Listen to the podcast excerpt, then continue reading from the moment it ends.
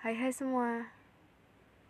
Hari ini kita balik lagi ya di podcast emas Selamat datang ya untuk kalian yang baru pertama kali berkunjung ke podcastku.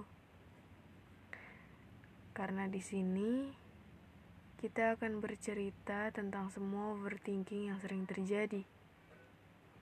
Jadi akan banyak hal relate yang nantinya akan kalian dengar Semoga menyenangkan ya. Selamat mendengarkan.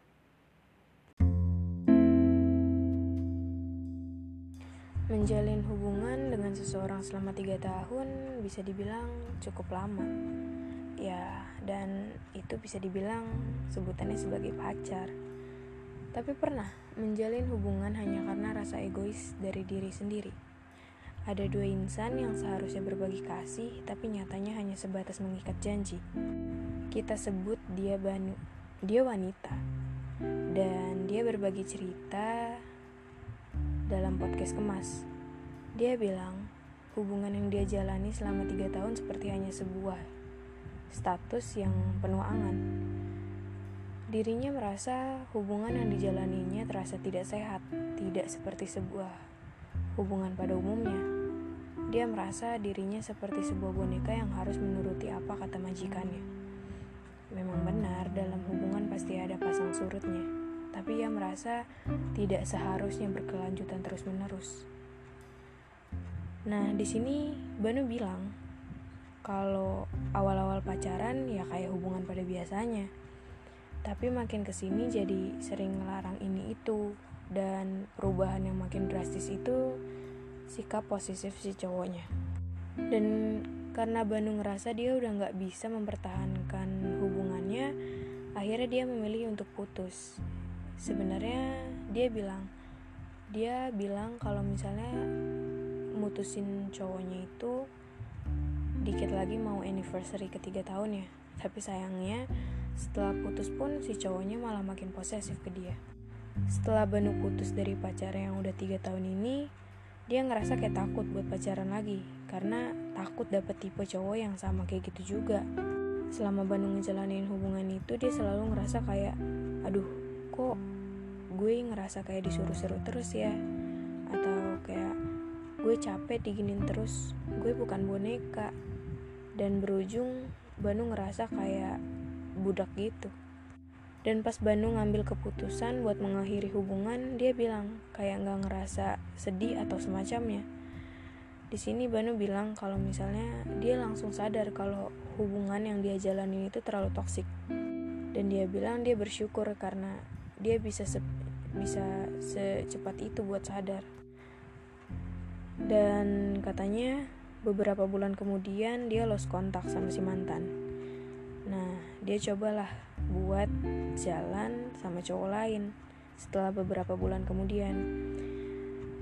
Emang belum kenal banget, tapi katanya makin hari jadi makin deket aja. Dan first impressionnya dia tuh kayak bilang, hmm, dia bukan suka, tapi semacam mengagumi. Awalnya memang kayak gitu, tapi setelah perjalanan yang terus mereka lalui kayak ketemu main bareng dia ngerasa kayak rasa sukanya tuh kayak wah kok nggak bisa dikontrol ya dan Banu bilang di sini kalau dia ngerasa setiap kita ketemuan tuh kita selalu sharing tentang apa yang kita alamin hari ini, hari kemarin. Tapi sayangnya karena hal kayak gitu terus berlanjut, si Banu malah makin suka. Dan yang sangat disayangkan di sini adalah si cowok dari awal emang punya prinsip kalau dia emang gak mau pacaran. Karena dia pernah punya pengalaman yang menurutnya terlalu berat buat dilupain. Dan sayangnya di sini ketika Banu tahu kalau si cowok itu udah punya prinsip buat nggak pacaran Banu malah nggak bisa ngontrol rasa sukanya dia kayak yang tadi aku bilang. Dan di sini lagi-lagi Banu ngerasa kecewa, tapi bedanya di sini dia kecewa sama dirinya sendiri. Karena dia udah suka sama temannya sendiri. Dan di sini Banu bilang, dia pengen deket sama cowok ini bukan sebagai pacar ataupun sebagai teman tapi dia pengen kalau mereka berdua punya komitmen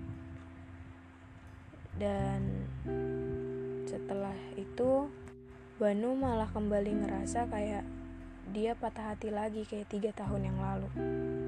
Dan di sini aku sempat nanya sama dia, ada nggak sih rasa nyesel setelah putus sama cowok yang tiga tahun ini? Terus Banu bilang, sebenarnya dia nggak begitu ngerasa menyesal atau apa, karena dia ngerasa di sini dia win-win, ada positif, ada negatif yang bisa diambil dari hubungannya. Cuman emang kalau dipikir-pikir ulang dia ngerasa dia kayak ngebuang-buang waktu gitu buat pacaran selama tiga tahun. Win-win yang dimaksud di sini kata Banu dia bisa nyeimbangin rasa sakitnya dia sama sifat baiknya si cowok ke si Banu. Banu bilang kalau yang dialami selama tiga tahun ini tuh bisa dijadiin pelajaran buat ke depannya. Dan aku tanya lagi nyesel gak sih kalau kamu tuh ternyata suka sama cowok yang kedua ini? Banu bilang uh, dia nggak ngerasa nyesel karena bisa suka sama orang yang kedua ini cuman dia ngerasa nyesel sama dirinya sendiri kenapa nggak bisa ngatur perasaannya dan pertanyaan terakhir yang aku tanyain ke dia itu, kalau semisal dia punya pilihan dan pilihannya itu mengungkapkan rasanya dia ke si cowok yang kedua ini, menurut dia gimana? Dan dia bilang di sini kalau ternyata uh, dia tuh pernah ngungkapin rasa sukanya dia ke si cowoknya. Terus dia waktu itu sebelum bilang dia nyari timing yang pas. Karena menurut dia uh, setelah dia tahu kalau si cowoknya nggak mau pacaran dia jadi makin ragu tapi tetap dia tetap bilang ke si cowoknya kalau dia punya perasaan lebih sama si cowoknya.